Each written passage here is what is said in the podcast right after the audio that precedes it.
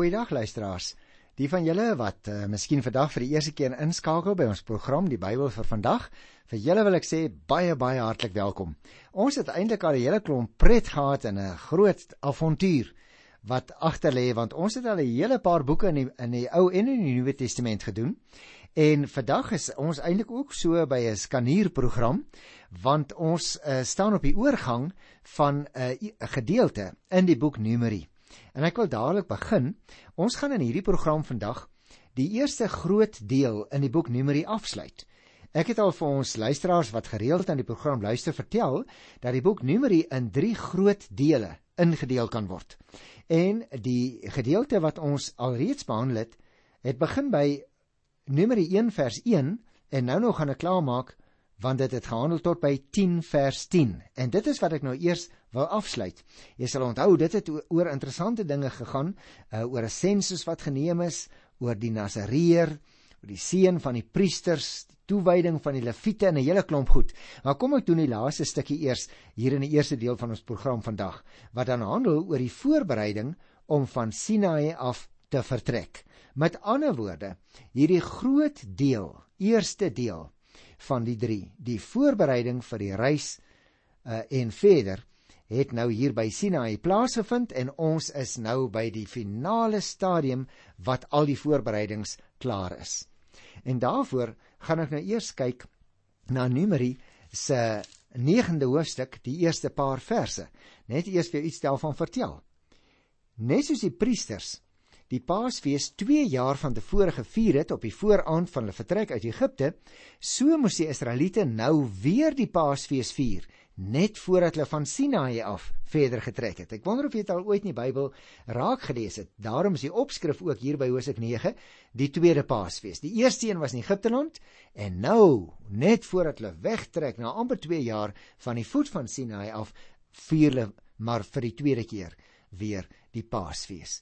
Die Here gee ook nog voorskrifte vir die viering van die Paasfees op die pad vorentoe en vir bepaalde omstandighede wat nou mag ontstaan natuurlik terwyl hulle trek, soos byvoorbeeld wanneer iemand op 'n eh, reis is of waar hy dan onrein geword het deurdat hy 'n lijk hanteer het of waar 'n nie Israeliet aan die Paasfees wil deelneem. Nou ek gaan nie al die detail weer mee julle bespreek nie, want ons het daardie detail aan van tevore teëgekom, maar Die eis is nou dat die Paasfees in elk geval gevier moes word wat ook al die omstandighede sou wees. Ek wil amper vir jou sê, luisteraar, as Nuwe Testamentiese gelowiges, kry jy en ek ook weer hier die gedagte dat ons nie sommer net ons godsdiens so moet afbaken vir die Sondag nie.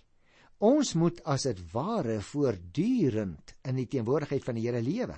En so moes Israel nou gereeld daaraan begin herinner word dat hulle dwars deur hulle lewe voortdurend onder die teken van God se verlossing as dit ware uit die nood kan uitkom want hy is by hulle hy wil vir hulle sorg.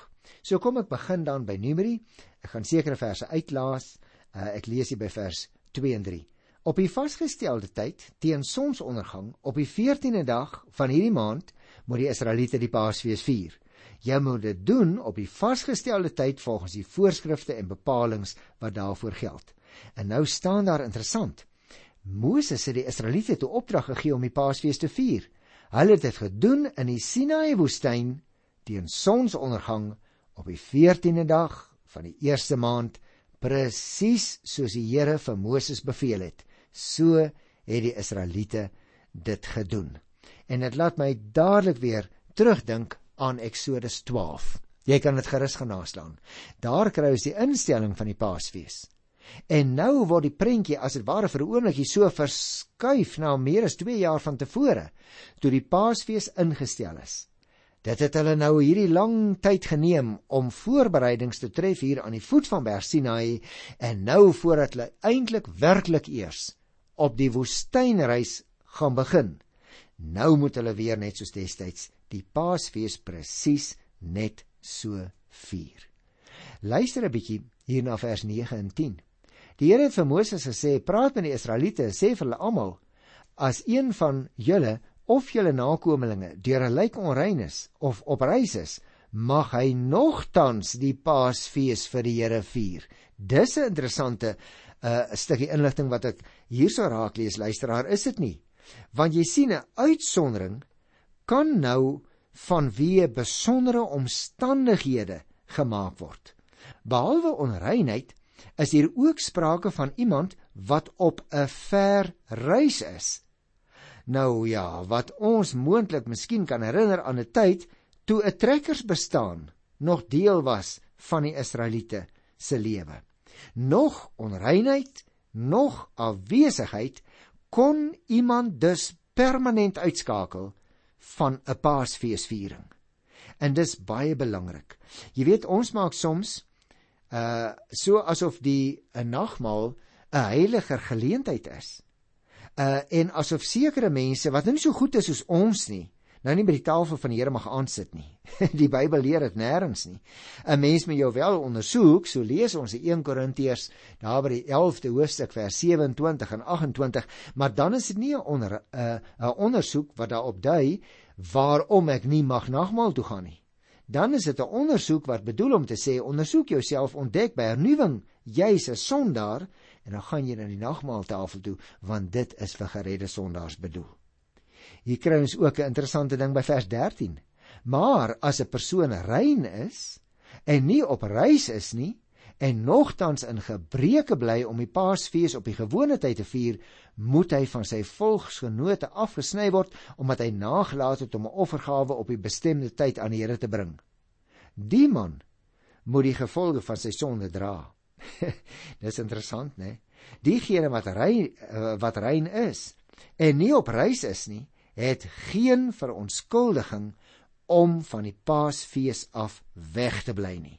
Vir hulle geld blote nalatigheid nie en dit het maklik gelei tot 'n verwydering uit die volksgemeenskap, met ander woorde uit die godsdienstige gemeenskap van destyds. Elkeen moes die Paasfees vier en so getuig dat die Here ook vir hom persoonlik gered het. En luisteraars, dit is dus baie belangrik vir ons ook. Want ons moet onthou die wortels vir die nagmaal lê juis in die Paasfees. En daarom moet 'n mens nie sommer wegbly van die nagmaalsfees af nie, want in ons tyd sê iemand maklik, "O, dis te lank, die nagmaalsdiens is altyd langer." Of ek moet nou daar sit en wag vir al die ander mense. Dit is dalk juis 'n toets vir my liefde vir ander mense, vir my geduld teenoor ander mense, né? So ek mag nie sommer net wegbly by 'n belangrike feesviering nie. Hierdie mense kon vanweë besondere omstandighede sou lees wegbly, maar jy en ek moet oppas dat ons nie dalk sommer ons eie gerief verklaar tot besondere omstandighede nie. Nou die ander uh ding wat vir my baie uitstaan hier in Numeri 9 is juis die wolk bo die tabernakel. Ons lees van vers 15 af daarvan. Ek wil net weer vir jou 'n oorsig daarvan gee want ek het al daaroor gepraat 'n vorige keer en uh, ek gaan dus ook nie hier al die detail behandel nie. Jy sien, jy sien, ook die tye van Israel se kom en gaan is deur die Here bepaal. Die tabernakel, sal jy onthou, was reg in die middel van die kamp van die Israeliete. God was daar teenwoordig. Daar was die ark juis die simbool van sy teenwoordigheid. En daarmee saam die ark uh, was natuurlik binne die tabernakel. Daarmee saam die tabernakel. 'n wolk het bo die tabernakel gehang. En dit was die sigbare teken van die Here se teenwoordigheid. Deurdat die Here nou hierdie wolk laat oplig en voorbeweeg en op 'n ander plek laat hang dui die Here daarmee aan waar hy sy volk wil ontmoet en waar die tabernakel nou weer opgeslaan word. Die volk moet weer, net soos van tevore, rondom hierdie plek kamp opslaan in die regte orde soos hulle van tevore van die Here gehoor het.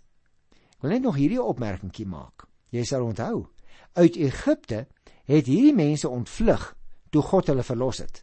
Hier van Sinaï af vertrek hulle nou nadat God aan hulle aan sy wette gegee het. Met ander woorde, hy het aan hulle bewys hulle behoort nou aan hom. Deur die woestyn trek hulle dus as volk van God. Die Here is in hulle midde.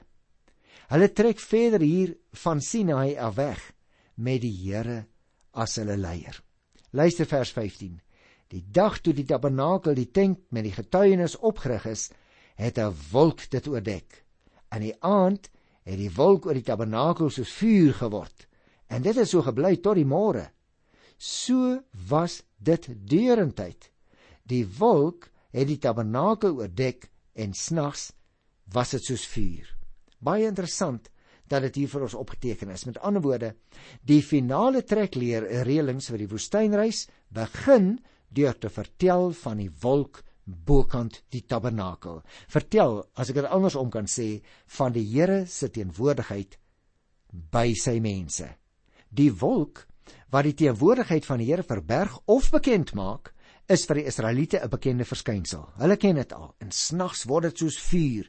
Jy sal onthou net soos daar destyds in Eksodus 13 en uh, vers 21 en 22 was die wolk juis die teken vir die volk om te vertoef of te vertrek.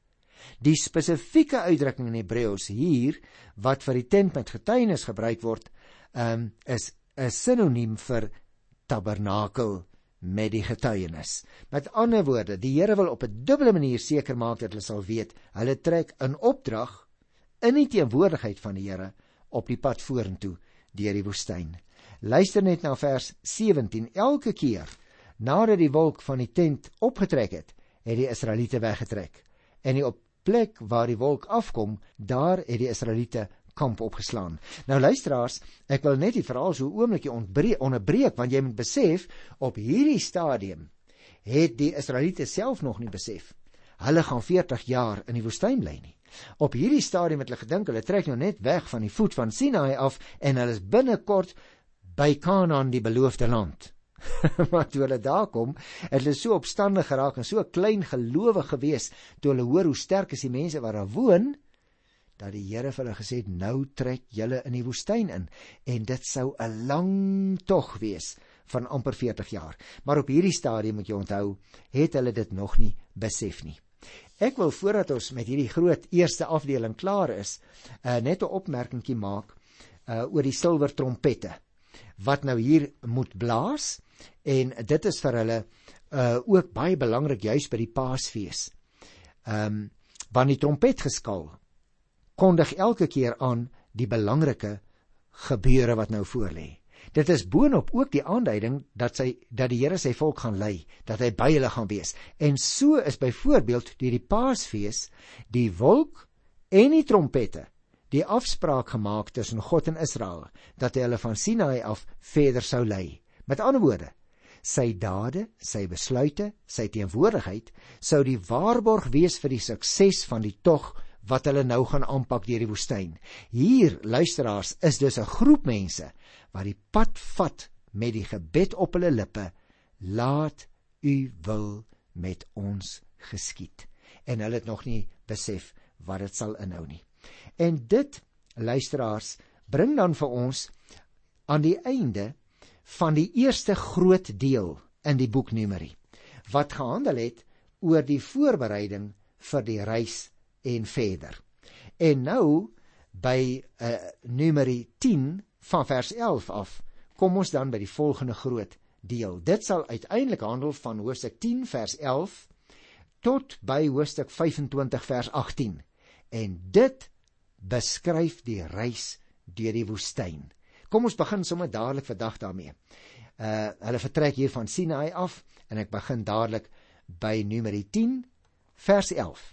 Kom ek lees dit. In die tweede jaar, op die 20ste van die tweede maand, het die wolk opgetrek van die tabernakel af met die getuienis. Die Israeliete het hulle reis toe van Sinai af verder voortgesit totdat die wolk in die Paran woestyn gaan staan het. Nou dit is 'n baie belangrike mededeling waar jy sien Israel begin 'n tog deur die woestynland wat uiteindelik, het ek net nou gesê, 40 jaar later sou duur, maar wat ek nie net nou genoem het nie, dit sou hulle oor 40 jaar op die Moabs vlakte reg by Jerigo uitbring. Maar ons gaan nog daarby kom. Die kenmerk van hierdie tog was natuurlik, dit weet jy en ek nou al, hulle het dit toe nog nie geweet nie, dat daar kort kort opstand teen God en ook teen Moses was. En gedurende hierdie tyd sterf die hele geslag wat op hierdie stadium van Sinai af wegtrek uit met die uitsondering van twee mans.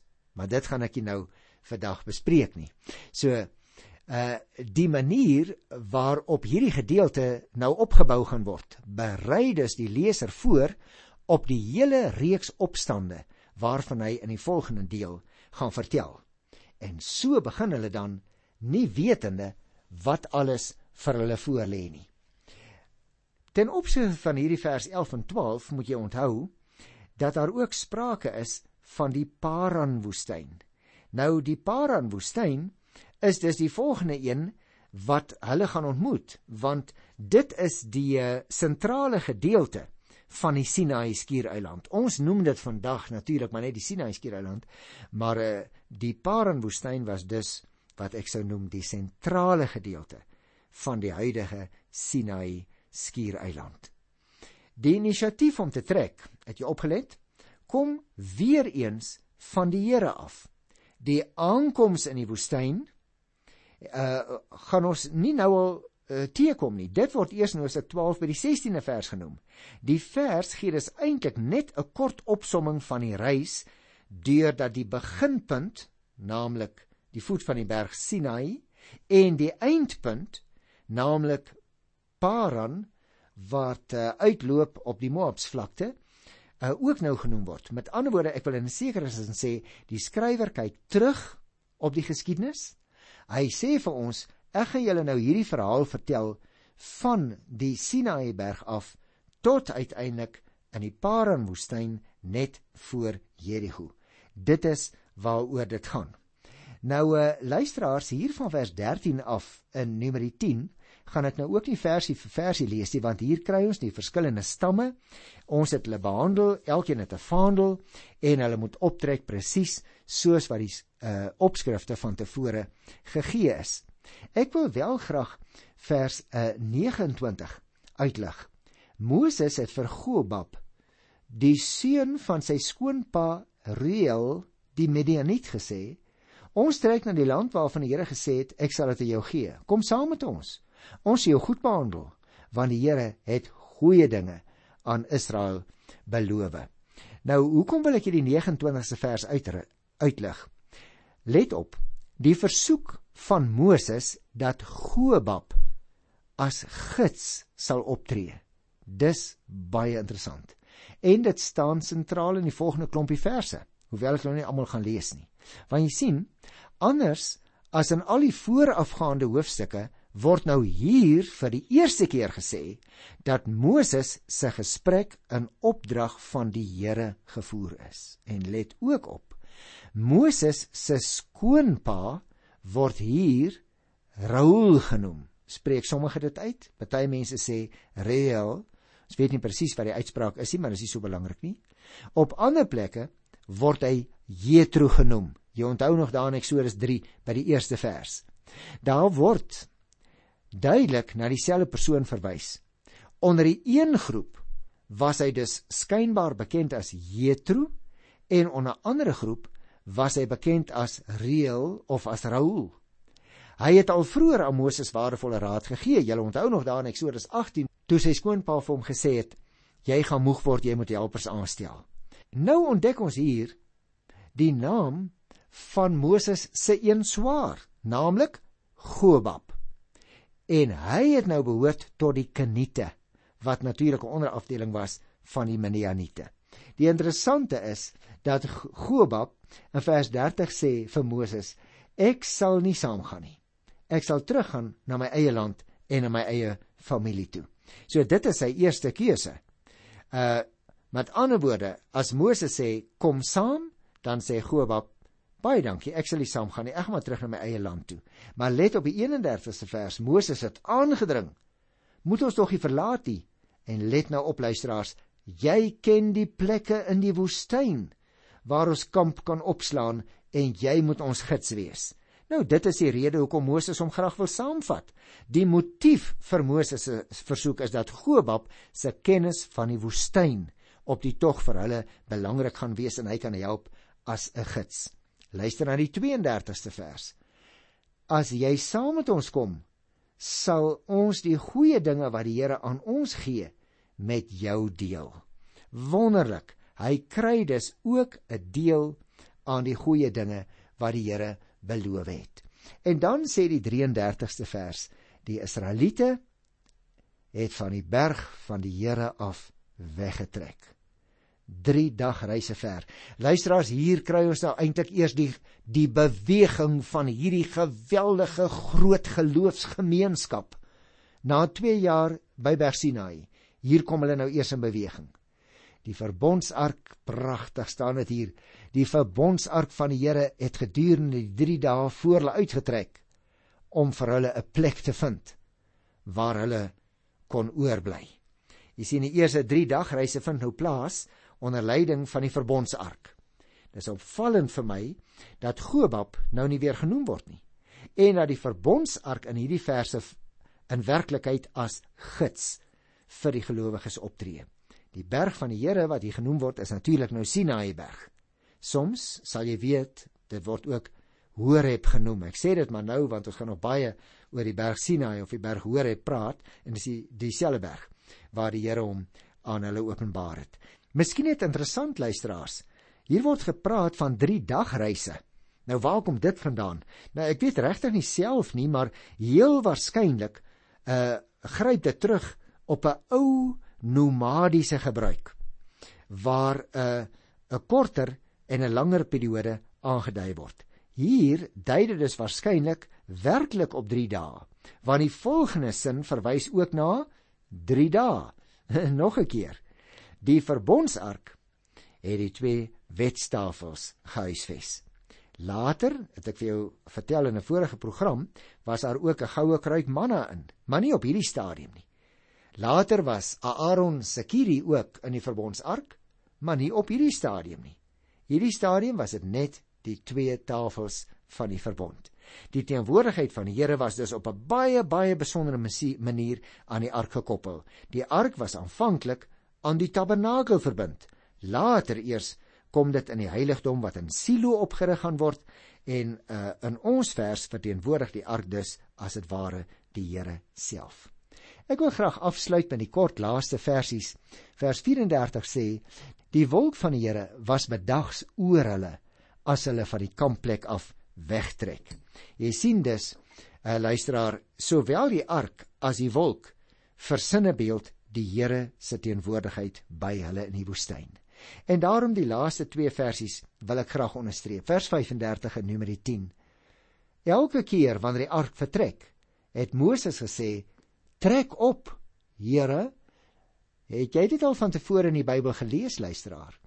Dat soos wat hulle in beweging kom onder leiding van die ark en van die wolk, maak Moses as dit ware hierdie oproep: Trek op, Here. En dan voeg hy by: Verstrooi u vyande, want hulle was seker bang, né? Laat hulle wat vir u haat voor u wegvlug. En wanneer die ark neergesit word, sê Moses: Kom terug, Here, na die ontelbare menigtes van Israel toe.